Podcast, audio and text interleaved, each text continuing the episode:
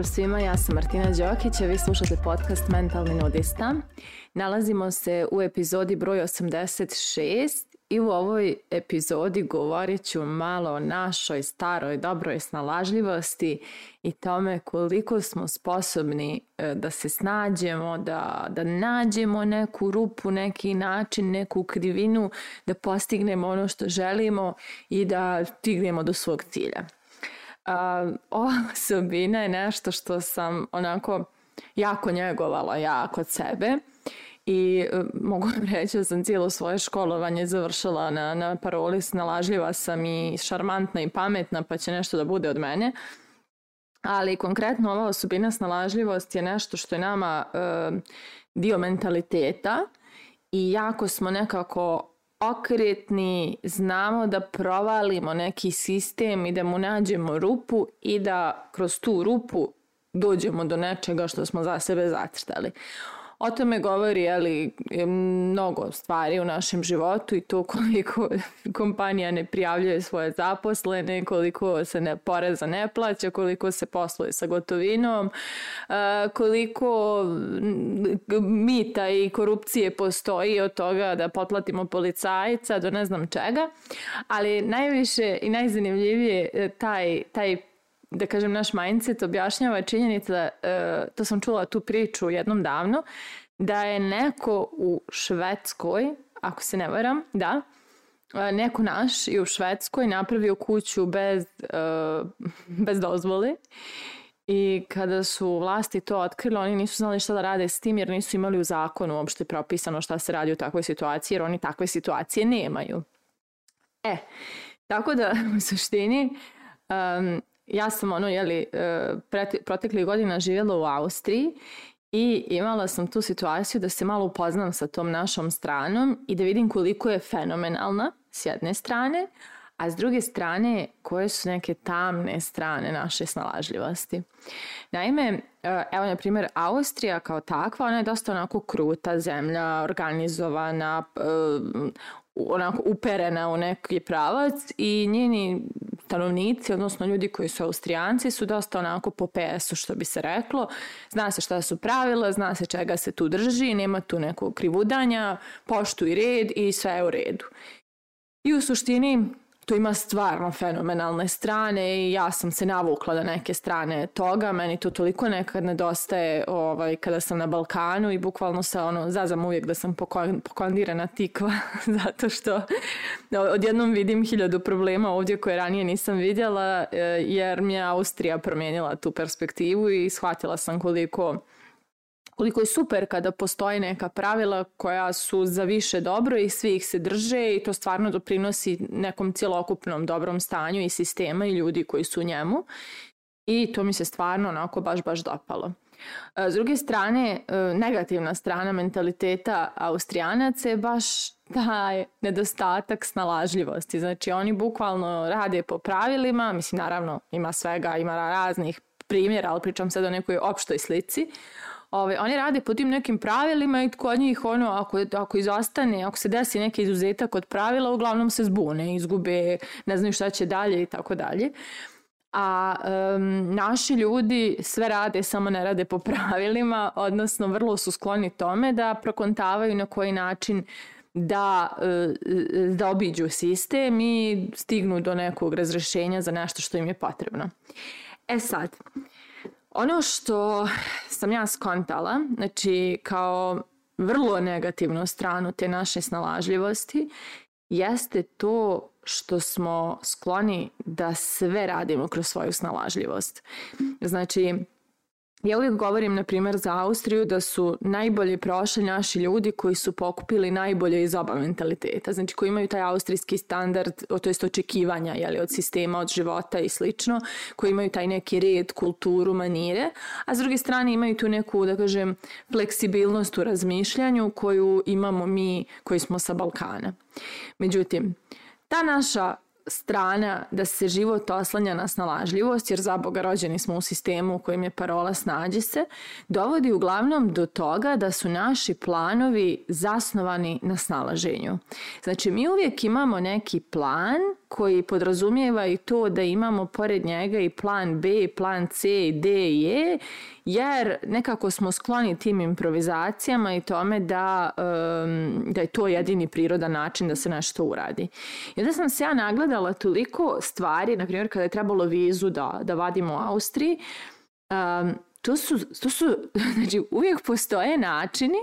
koji ti ljudi predlažu, a ti načini su sve samo nisu vezani za ono što ti radiš tu. Znači zašto si tu došao i šta hoćeš s tim da radiš. Znači način je da nađeš nekog da se udaš, da upišeš fakultet koji ne planiraš da studiraš i ideš na jezik da bi morao, jeli, jer, jer je to obaveza kad upišeš fakultet, da ideš da učiš njemački,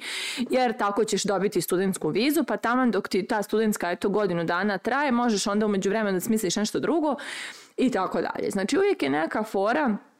ili da nađeš nekog da te prijavi u svojoj firmi pa da ti, da, ti, da ti ne daje platu nego da ti njemu plaćaš zato što si dobio posao itd. itd. Ali suština je, naši ljudi su toliko skloni da smisle tu neku improvizaciju i snalaženje da često zaborave na direktan put. Znači, prate, nađi posao, zaposli se, nek te neko prijavi i završi s tim. Ali mi nekako toliko smo navikli da se sve mora snalaziti u životu, znači za da sve mora neko snalaženje, neka improvizacija, neke fore fazone, ne, ne, nešto, neko do, do, dovijanje i dovitljivost, jer nema lakog, jednostavnog i direktnog načina da se postigne to što želimo. I ja se slažem, u našem sistemu uglavnom nije lako jednostavno ovaj, i direktno doći do nečega, ali jako je nezgodno kada tu osobinu ponesemo kroz život i krenemo svuda da je, da, da, da je koristimo, jer prosto to nam postane način razmišljanja i to nam postane pristup u svemu i svačemu. I ja evo pre neki dan, to je danas, ne pre neki dan, jutros, Uh, razgovaram sa mojom koleginicom iz firme i sad planiramo nešto vezano za firmu, uh, neko novo tržište i uglavnom ovaj, bila je tema sad tamo treba da se registruje firma, koji je novac potreban i ono, da može se dobiti preduzetnička viza, ovo ono. I u njegovom trenutku moj mozak koji kreće već da razmišlja, pa dobro ako ne uspijemo da e, dobijemo, da, da riješimo tu preduzetničku vizu, onda možemo da se zaposlimo na part time i onda uzmemo radne dozvole. I ja kao čekaj ženo, koči, zašto si odmah pošela da planiraš na koje fore mogu da se riješe te stvari. Zašto ne dati sve šanse direktnom, ispravnom i onom pravom načinu? Zašto e, ne povjerovati da može da se desi baš to što ti želiš i baš to što tebi treba. I zašto uopšte odustajati od tog načina kad postoji, on je tu, pred tobom je, jednako je izvjestan kao i bilo koji drugi način, ali mi nekako najmanje šanse damo tom pravom načinu, jeli? I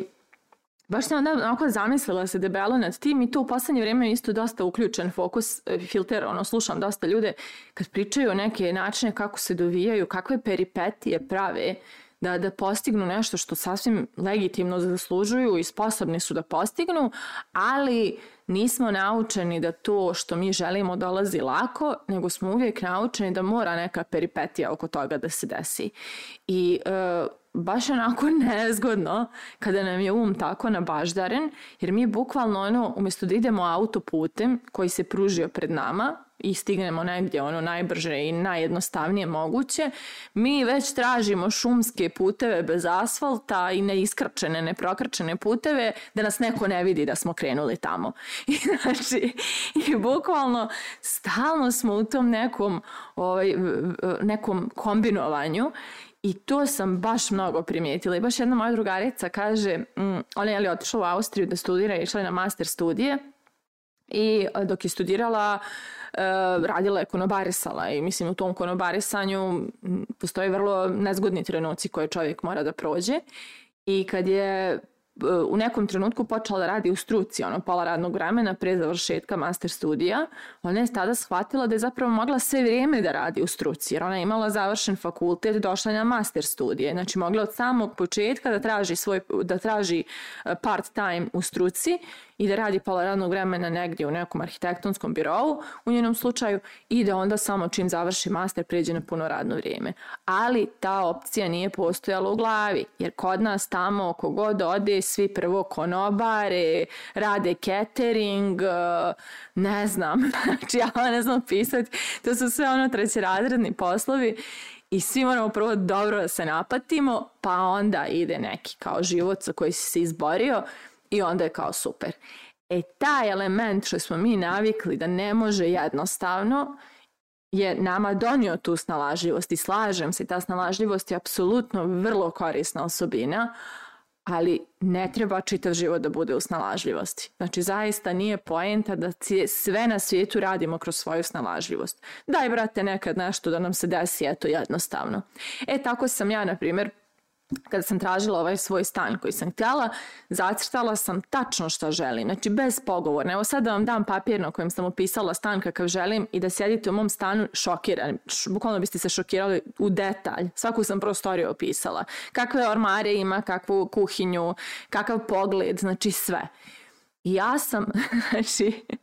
imala one momente da nađem neki stan koji kao malo liči na to što ja želim, pa kao mogla bi onda malo to da uredim, da malo ovo izbacim, ovo prekrečim, ovo... Ja kažem sebi, koči, ne,